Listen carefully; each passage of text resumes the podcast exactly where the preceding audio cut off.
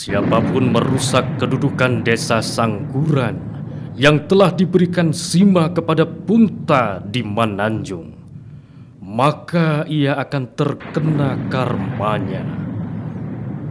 Bunuhlah olehmu yang ia harus dibunuh agar tidak dapat kembali di belakang, agar tidak dapat melihat ke samping, dibenturkan di depan dari sisi kiri, pangkas mulutnya, belah kepalanya, sobek perutnya, renggut ususnya, keluarkan jeruannya, keduk hatinya, makan dagingnya, minum darahnya. Akhirnya, habiskanlah jiwanya. Jika berjalan di hutan, akan dimakan harimau, akan dipatuk ular. Begitulah matinya orang jahat, melebur kedudukan desa Perdikan di Sangguran. Malapetaka dari Dewata Grasta.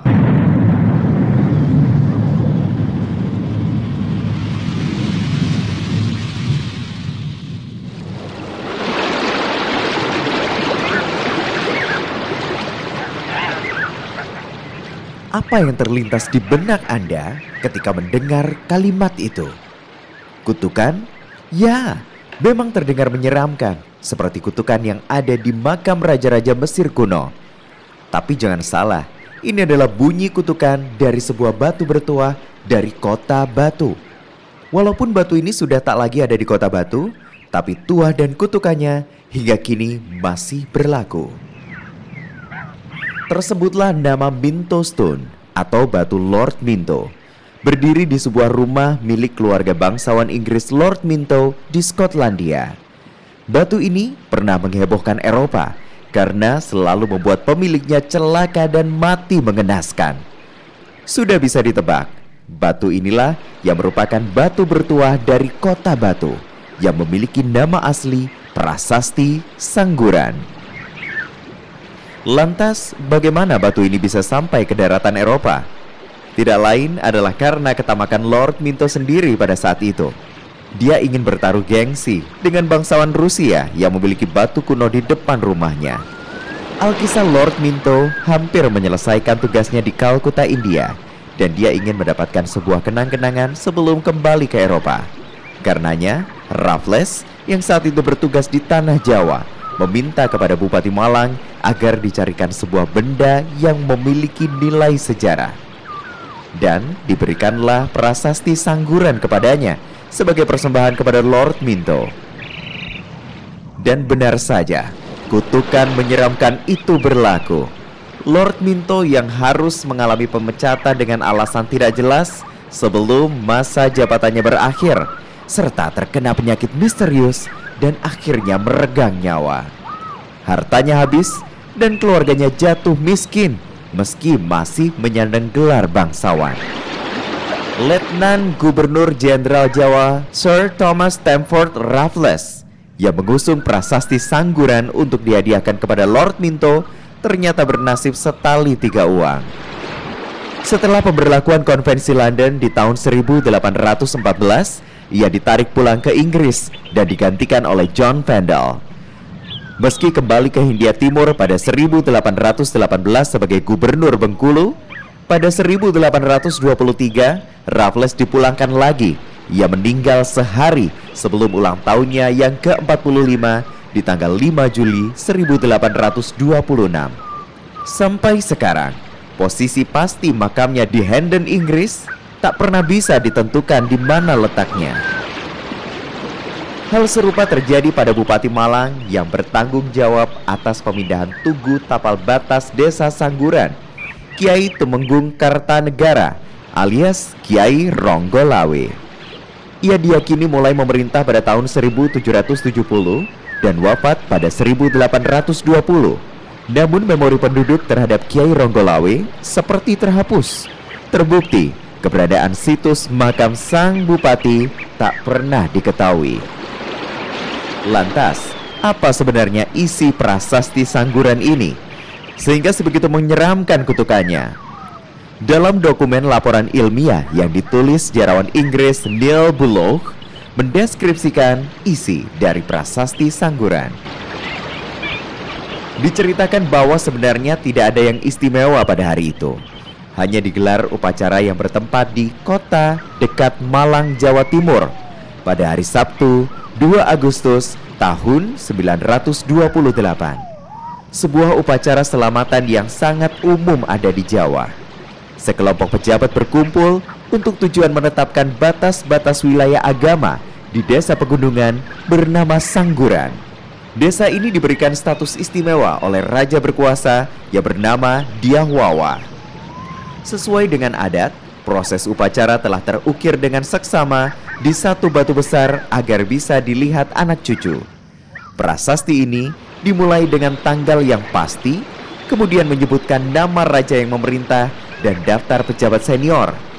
Alasan pemberian status istimewa bagi desa ini kemudian dijelaskan, termasuk hak istimewa dan larangan yang berkaitan dengan perubahan status desa. Setelah presentasi dilakukan kepada semua yang diundang, ritual penyucian dilakukan. Dengan telapak tangan ditekan kuat-kuat bersama dan pandangan mata mengarah ke langit, seorang pendeta dipanggil untuk menyaksikan upacara ini dan ditutup oleh pihak kerajaan dengan kutukan, mengancam siapa saja yang melanggar dengan ketidakberuntungan.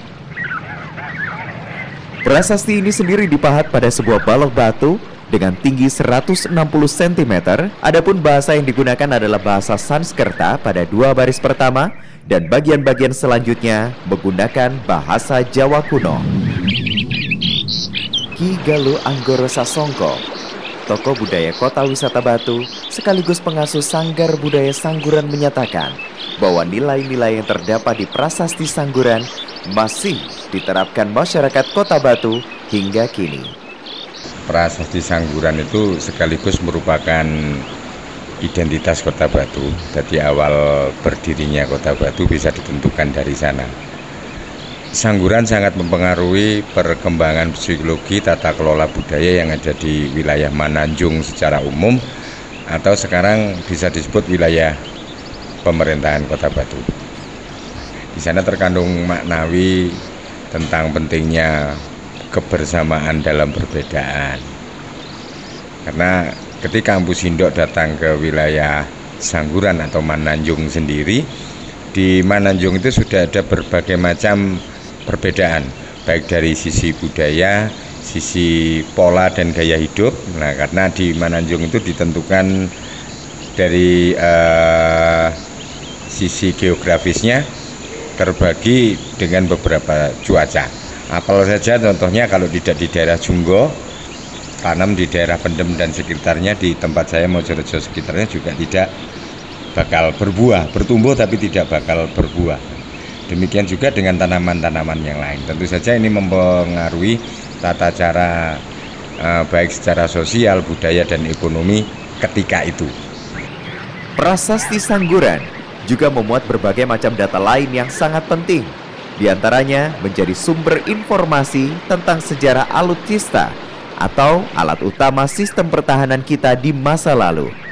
Prasasti Sangguran menjadi satu-satunya prasasti di Pulau Jawa yang memberikan informasi adanya wilayah yang dihuni komunitas ahli pembuat logam. Mereka dianggap berjasa karena telah membuatkan banyak persenjataan dan perkakas rumah tangga yang dibutuhkan oleh kerajaan. Namun di baliknya, ternyata ada tulisan yang berisi kutukan yang bikin merinding. Namun demikian, waktu itu tidak ada yang percaya akan adanya nasib sial dari batu itu. Bahkan, Lord Minto sendiri sampai memindahkannya hingga melintasi benua.